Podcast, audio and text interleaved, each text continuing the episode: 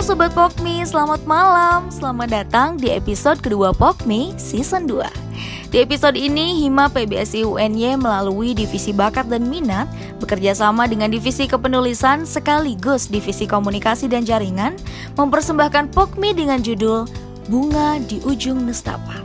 Bunga di Ujung Nestapa merupakan alih wahana dari cerpen berjudul Pelayan Cantik karya Desi Dwi Wahyuni PBSIB 2019.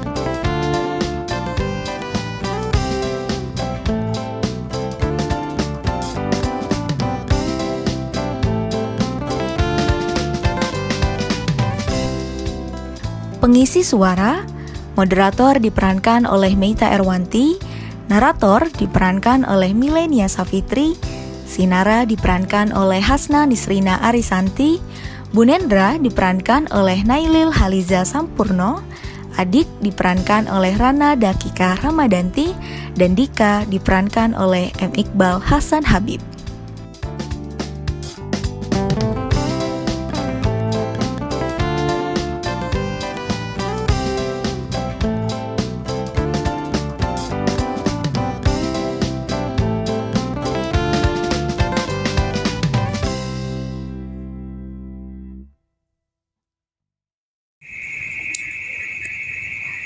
Namanya Sinara, tapi nama kutukan malamnya adalah cantik. Cantik di panggung dunia malam. Ia sungguh memang cantik, malah kelewat cantik. Kulitnya putih seperti para pelancong Eropa. Matanya bulat besar dan memancarkan sinar bening seperti embun yang menerima cahaya matahari pagi. Bibirnya memesona, persis model iklan lipstick. Rambutnya juga hitam panjang, cocok menjadi brand ambasador sampo bermerek. Tidak hanya itu, lekuk tubuhnya sangat mirip para model majalah dewasa. Ah, lelaki mana yang tidak akan terpikat dengannya dalam satu kali tatap? Sungguh, segala kesempurnaan fisik dan definisi cantik melekat seutuhnya dalam dirinya. Namun, pada kenyataannya, kecantikan tidak pernah menjamin kehidupan seseorang.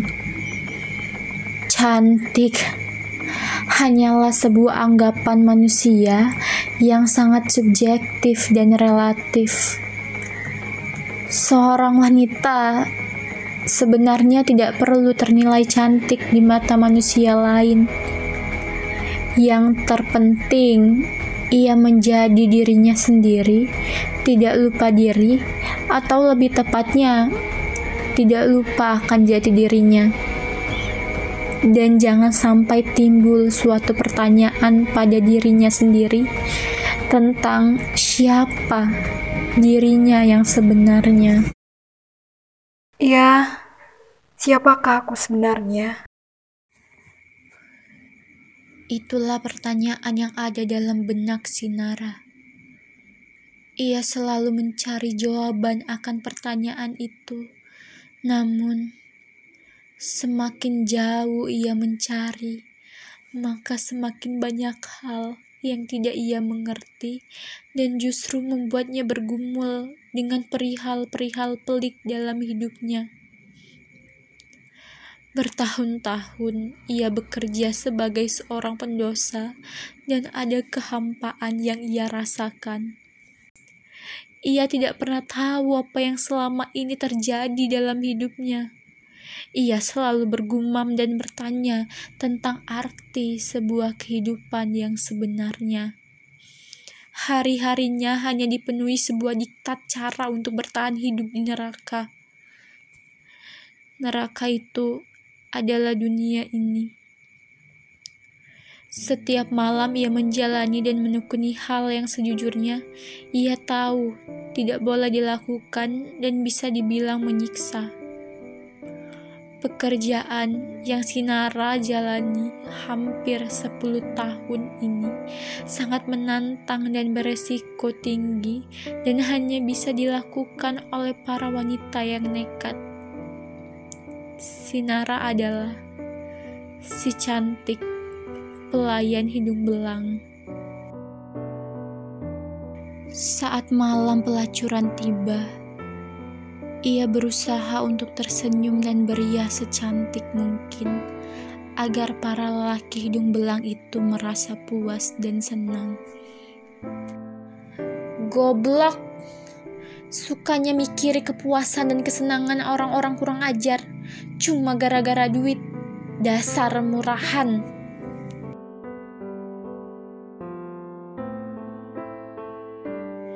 Itulah sumpah serapa yang setiap malam Sinara berikan untuk dirinya sendiri ketika bertemu para lelaki hidung belang yang sering dianggapnya sebagai seorang tamu. Sungguh, tidak ada lagi kearifan dalam dirinya maupun para lelaki hidung belang itu. Begitulah kehidupan. Terkadang apa yang selama ini diperjuangkan untuk dipertahankan oleh kebanyakan orang, justru ada orang yang dengan sengaja menjualnya. Memang, uang terkadang seperti iblis-iblis yang mampu membeli dan membuat manusia menggadaikan harga diri serta martabatnya. Suatu malam si cantik Sinara sedang enggan menerima tamu. Ia meliburkan diri untuk beberapa waktu ke depan. Ia ingin rehat dan pergi keluar kota dengan ongkos uang iblis dan hasil jeripayanya berbulan-bulan yang lalu. Akhirnya, ia memutuskan untuk membeli tiket kereta api dan pergi ke sebuah kota kecil, kota di mana ia pernah merasakan hidup selayak manusia lainnya. Kota yang terkadang terasa meremukkan hatinya, tetapi selalu saja membuatnya rindu untuk pulang. Karena baginya, ada rasa yang tertinggal dan belum lunas terbayarkan.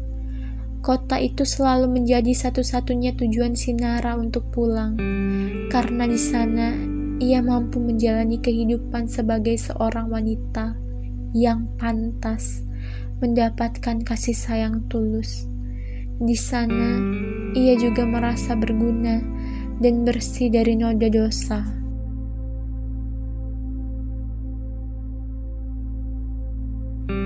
Sampai di kota itu, Sinara menatap sebuah bangunan kecil berwarna putih dengan taman dan air mancur sederhana di depannya.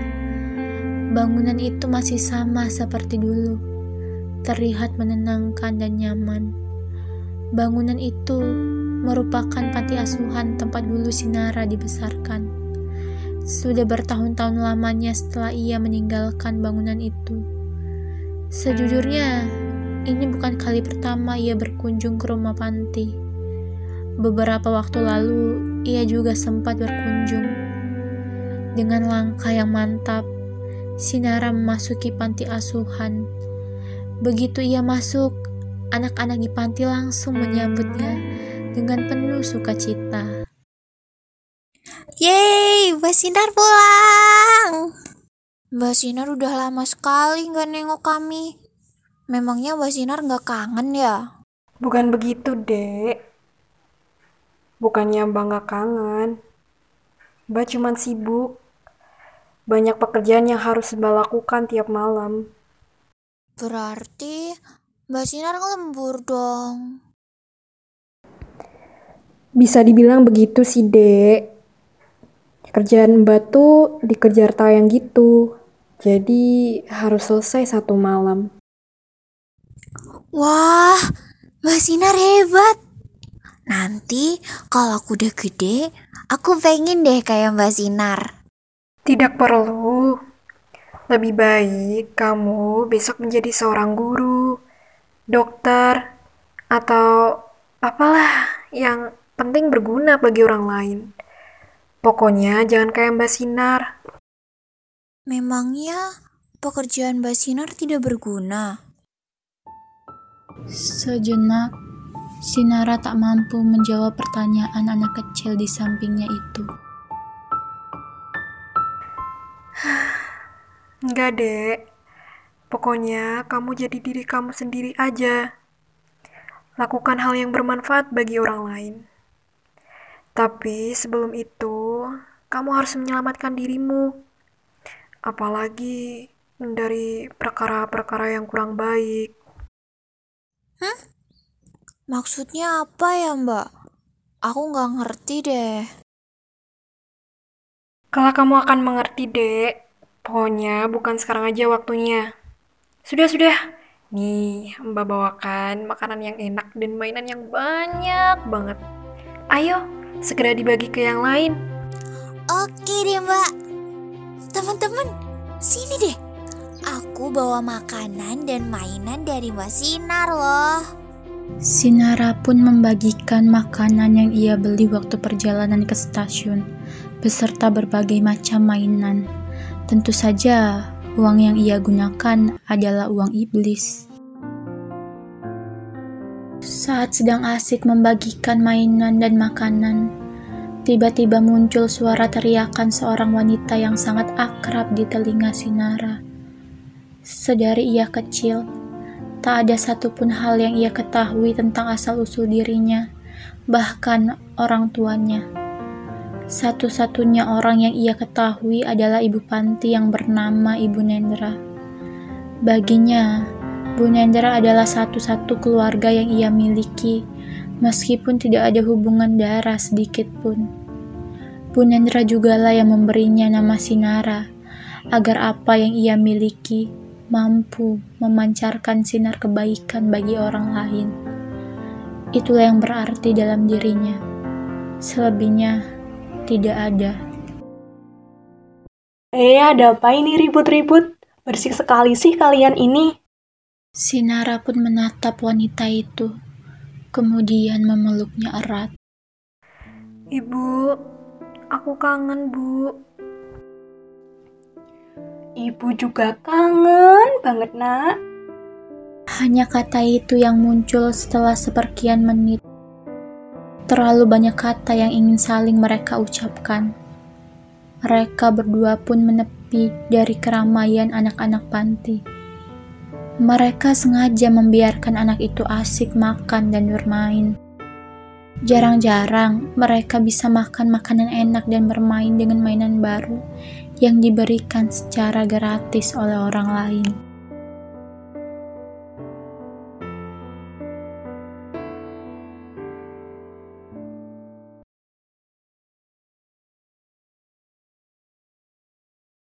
Ya, ibu seperti ini, nak. Sudah semakin tua. Ah, tidak kok, Bu. Ibu masih cantik seperti 11 tahun yang lalu. Saat aku masih di sini. Aduh, aduh. Kamu ini masih saja suka memuji orang. Kamu sendiri bagaimana, nak? Baik-baik saja, bukan? Puji Tuhan, Bu. Aku baik-baik aja. Nih, seperti yang Ibu lihat, aku tetap cantik dan imut seperti dulu kan? Aku juga sangat sehat kok, Bu. Nih, buktinya aku aja bisa menjenguk ibu ke sini. Ya iya dong. Kamu ini kan memang cantik. Bahkan sekarang tambah cantik. Padahal sudah 11 tahun kamu meninggalkan panti ini. Ah, ibu, bisa aja. Oh iya, ngomong-ngomong, bagaimana dengan orang tua asuhmu? Kenapa mereka tidak pernah menghubungi ibu loh? Dan bagaimana dengan pekerjaanmu, nak? Sejenak, pertanyaan itu menyambar bagai petir di hati Sinara. Kenyataan pahit yang harus ia terima tidak mungkin harus ia katakan. Sinara terus terdiam dan tidak tahu apa yang harus ia katakan orang tua asuh, pekerjaan, para lelaki hidung belang, pakaian seksi yang ia kenakan saat malam pelacuran, dan uang iblis yang ia gunakan untuk membeli makanan anak-anak. Rasanya membentuk suatu rekaman-rekaman singkat yang berkelebatan memenuhi ingatannya. Hei, lah kok diem? Gimana? Kamu punya masalah? Ibu Panti tahu betul ada yang lain dari Sinara. Ia berusaha menelisik lebih jauh raut muka anak yang telah hidup bersamanya bertahun-tahun itu. Ia paham betul ada sesuatu yang Sinara sembunyikan, sekalipun ia tidak pernah tahu apa itu. Tidak, Bu. Aku baik-baik aja kok. Hidupku tercukupi dengan pekerjaanku. Jadi, orang tua asuhku tidak perlu memberi uang untukku lagi. Aku juga tumbuh dengan baik kok, Bu. Aku mendapatkan kasih sayang yang cukup banyak dari orang-orang. Bahkan, aku dapat panggilan yang menyenangkan nih. Di sana aku dipanggil cantik loh, Bu. Orang bilang nama itu cocok untukku. Jadi, ibu gak perlu khawatir karena emang gak ada apa-apa, Bu. Sinara menjawab pertanyaan Ibu Panti itu dengan tersenyum lembut. Sekalipun tenggorokannya terasa tersumpal, ingin ia berteriak dan bercerita tentang apa yang terjadi dalam hidupnya selama bertahun-tahun ini. Ia ingin bercerita bahwa orang tua yang mengambilnya dari panti 11 tahun lalu untuk mengasuhnya justru menjadi orang pertama yang merenggut kesucian dalam dirinya dan membuatnya jatuh dalam lubang dosa yang tidak pernah terbesit dalam benaknya sedikit pun. Ibu harap kau tidak berbohong, Nar. Ibu merawatmu dari usia tiga tahun. Saat itu kamu masih sangat kecil. Kemudian ibu terus menjagamu 13 tahun lamanya. Dan kau pun tumbuh menjadi seorang gadis yang cantik. Tepat sehari usiamu 16 tahun, ada pasangan suami istri yang ingin mengadopsimu. Ibu bersyukur sekali kau akan melewati sweet seventeenmu dengan keluarga baru. Sudah sebelas tahun kau tinggalkan ibu nak. Bahkan kau hanya memberi ibu kabar sekira tiga atau empat kali. Dan kau datang mengunjungiku juga baru tiga kali dengan hari ini. Nar, terakhir kali saja itu sudah hampir tiga tahun yang lalu kan. Sudah lama ternyata. Jika dihitung-hitung, kau sudah tua juga ya? Umurmu sudah 27 tahun bukan? Sejujurnya, detik itu juga Sinara ingin menangis sejadi-jadinya. Tapi sekali lagi, ia tidak mungkin mengungkapkan apa yang ia alami. Berulang kali ia mencoba mengatakannya secara jujur, tapi selalu gagal. Semuanya terasa lebih baik jika hanya dipendam. Ah, ibu, perhitungan sekali denganku. Jangan matematis sekali lah, bu. Memangnya ibu tidak ikhlas membesarkanku? Ayolah, bu. Aku tidak tahu ilmu matematika yang demikian. Aku kan dulu nggak pinter-pinter banget kalau matematika sewaktu SD. Aku aja dulu sering dapat nilai dua, ya kan, bu? Tentu saja. Ibu hafal nilai matematikamu yang parah itu? Nar, ibu tidak pernah menghitung seberapa besar kasih yang sudah ibu berikan kepadamu. Ya, meskipun ibu ini cuma ibu panti yang tidak mengandung dan tidak melahirkanmu. Ibu tulus merawatmu. Ibu merinci secara matematis seberapa lama ibu merawatmu, agar kamu ini paham bahwa ibumu ini memahamimu dengan baik. Ibu berharap engkau tidak tega membohongi orang yang telah menyayangimu itu. Tidak hanya ibu, tapi siapa pun yang menyayangimu. Karena kebohongan itu menyakitkan, Nar. Andai kau melakukannya, ibu harap ada satu hal yang kamu pegang. Jangan sampai kau membohongi dirimu sendiri dan lupa siapa kau ini. Ibu sayang padamu, Nar. Ibu sangat senang kau masih ingat dengan ibu. Terima kasih, Bu. Setiap pulang ke panti, Sinara selalu saja menjadi orang yang paling berdosa dan tidak tahu malu. Apa yang selama ini ia lakukan kepada ibunya telah kelewatan. Tapi ia juga tidak tahu bagaimana cara mengatakan yang sejujurnya. Jangankan mengatakan, sekadar memikirkan untuk memulai saja, ia tidak bisa. Dalam pelukan ibu panti, Sinara mampu merasakan detak jantung yang setiap detaknya terasa menghancurkan tubuhnya. Ada sebuah rasa sesal dan penghinaan diri. Banyak hal yang ingin ia ucapkan, tapi ia terus bungkam. Padahal banyak hal yang meronta. Ia ingin mengeluarkan kalimat-kalimat menjijikan atas hidupnya. Sinara pun bergumam dalam hati. Seandainya kalau ibu tahu, setahun aku tinggal dengan orang tua asuhku, hidupku berubah, Bu. Orang tua asuhku yang aku anggap sebagai seorang ayah tidak lebih dari seorang lelaki brengsek, Bu. Ia telah memperkosa aku, Bu. Dan ia melakukan itu saat istrinya sedang pergi ke luar kota. Jadi hanya aku dan lelaki brengsek itu yang tahu, Bu. Ibu, saat itu ia juga memukuliku. Layaknya binatang atau atau mungkin lebih rendah dari seekor binatang. Lelaki brengsek itu menjambak rambutku seperti benang musuh, membungkam mulutku dengan tangannya yang kasar, dan matanya seperti mata iblis merah membara. Bahkan nampak bola matanya ingin loncat ketika menahanku saat mencoba berteriak. Aku mencoba melawan bu, tapi hasilnya nggak ada. Hasilnya nihil. Tenaga aku kan gak sekuat dia bu.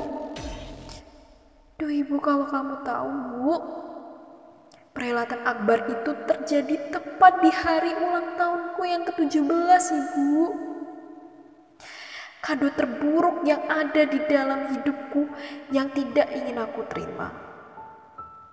Malam itu aku sangat takut, Bu. Setelah tiga perempat nyawaku serasa menghilang dan dan tenagaku terkuras. Akhirnya aku bisa, aku bisa pergi dari rumah orang tua jahat itu. Lelaki seperti dirinya itu sungguh tak layak disebut ayah. Ia benar-benar brengsek, Bu saat pelarianku. Ia, ia sempat, ia sempat mengejarku. Tapi aku terus berlari dan kau tahu bu, nafasku hampir putus saat aku berlari. Padahal dulu kau selalu melarangku untuk berlari, bu. Kau takut aku terjatuh. Dan benar aku terjatuh, sungguh aku terluka, ibu. Hidupku hancur merasa tidak berharga lagi bu sejak hari. Aku merasa tidak tahu harus bagaimana bu. Aku tidak punya siapa-siapa. Rasanya ingin ingin ku akhiri hidupku bu dan tidak ada lagi alasan untukku bertahan. Untuk apa kan aku hidup jika kesucian itu telah lenyap diambil laki brengsek itu ibu? Orang kalau tahu pasti akan mengejekku kan, menghakimiku dan dan mungkin mereka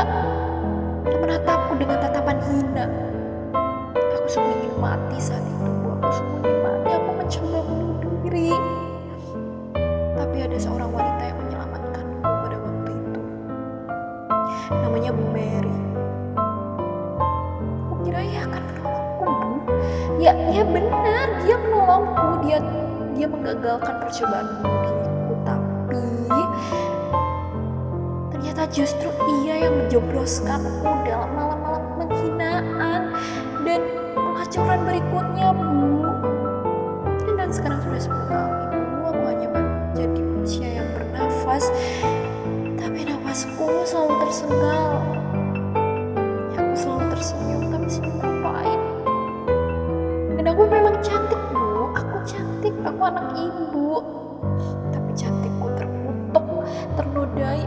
sejumlah lelaki yang telah menjadikanku pelayan cantik mereka. Ibu tahu kenapa aku jarang menengok ibu dan mengabari ibu. Karena aku selalu teringat dosa itu, Bu. Tak sampai hati aku sering-sering berbincang dengan ibu. Sekarang aku 27 tahun, Bu. Kau tidak keliru menghitung usiaku. Aku berharap hidupku akan berubah, tapi tidak tahu kapan. Bahkan apakah Tuhan masih mengampuniku, aku juga tidak tahu, Bu. Aku hidup dalam ruang hampa, tanpa sebuah makna. Begitu banyak gumaman yang ingin Sinara ucapkan pada ibunya, tetapi hasilnya nihil. Semuanya terkunci rapat dalam diri, terpasung oleh bibir yang gemetar untuk mengucapkan pahit, luka, getir, amarah, benci, dan penyesalan. Semuanya terlalu berat untuk diutarakan. Pelukan itu mulai memudar. Ibu Nendra dan Sinara melepaskan pelukannya perlahan. Ah, janganlah kita nangis. Tidak ada hal yang perlu ditangisi. Bukankah semuanya baik-baik saja? Kau tidak segera kembali ke kotamu lagi kan? Ibu masih rindu. Adik-adikmu juga masih ingin bermain denganmu. Besok siang, Bu, mungkin aku sudah pulang karena ya ada pekerjaan yang menantiku. Kamu ini sibuk banget. Lalu apa agendamu pulang ke sini? Sekedar menjenguk ibu dan adik-adikmu atau ada yang lain? Hmm, mungkin nanti sore hingga menjelang malam, aku akan menghabiskan waktuku untuk menikmati jalanan kota kecil ini, Bu. Iya, lakukan saja. Jarang-jarang kau pulang. Kota kecil ini masih manis seperti dulu, meskipun sudah agak riuh. Mereka berdua pun tersenyum tulus dan hangat. Sore pun tiba, sama seperti apa yang diucapkannya tadi siang. Akhirnya, Sinara memutuskan untuk berjalan-jalan, menikmati secuil surga kebahagiaan dalam kota kecil tersebut. Sinara selalu jatuh cinta pada lampu jalanan yang menggantung berwarna kekuning-kuningan di jalan kota. Bahkan, mungkin suasana itu merupakan satu-satunya suasana yang sangat ia sukai di dunia yang ia sebut neraka. Sinara selalu mampu tersenyum bebas dan puas ketika berjalan di kota kecil itu. Apalagi ketika mendekati cengkraman malam, ia justru dengan sengaja duduk di bangku tepi jalan. Ia sungguh jatuh cinta pada lampu-lampu yang mulai menyala satu persatu menerangi jalanan. Ah, Jatuh cinta, itulah kata yang tepat untuk kota kecil itu. Saat jalan-jalan dan asik mengabadikan foto, Sinara bertemu seorang pelukis muda yang sedang memainkan pensilnya tanpa menggoreskan sedikit pun pensilnya di kertas berukuran lebar miliknya.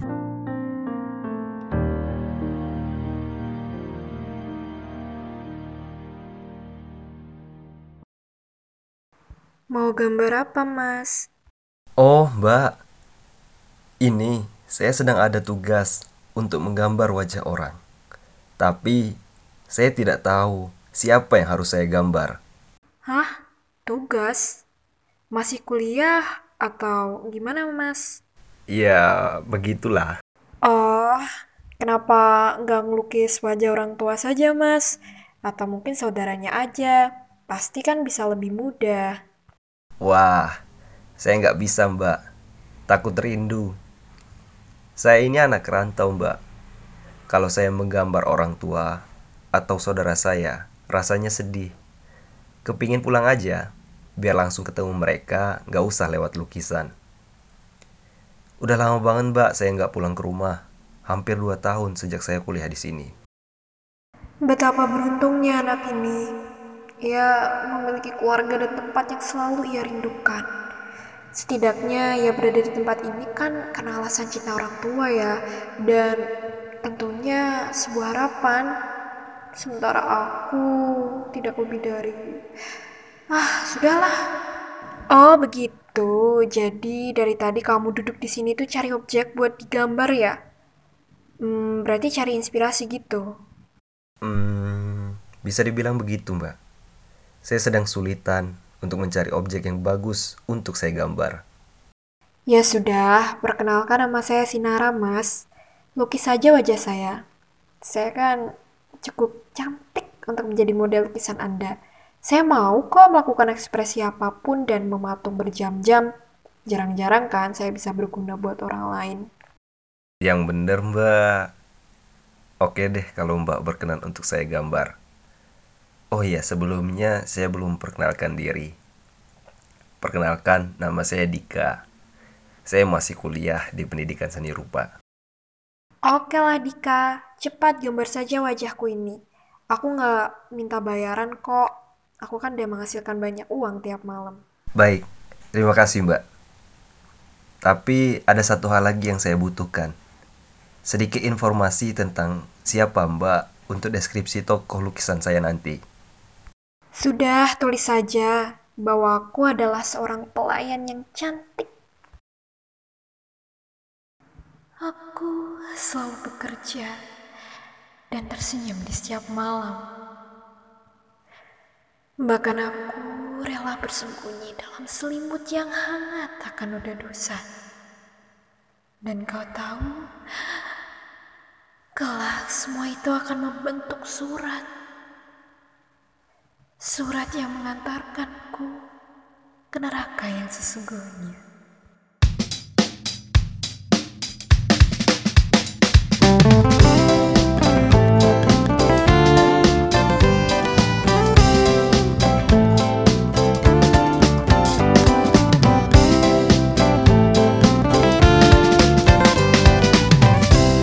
Selesai sudah persembahan sastra audio dengan judul Bunga di Ujung Nestapa, Aliwahana dari cerpen berjudul Pelayan Cantik, karya Desi Dwi Wahyuni, PBSIB 2019.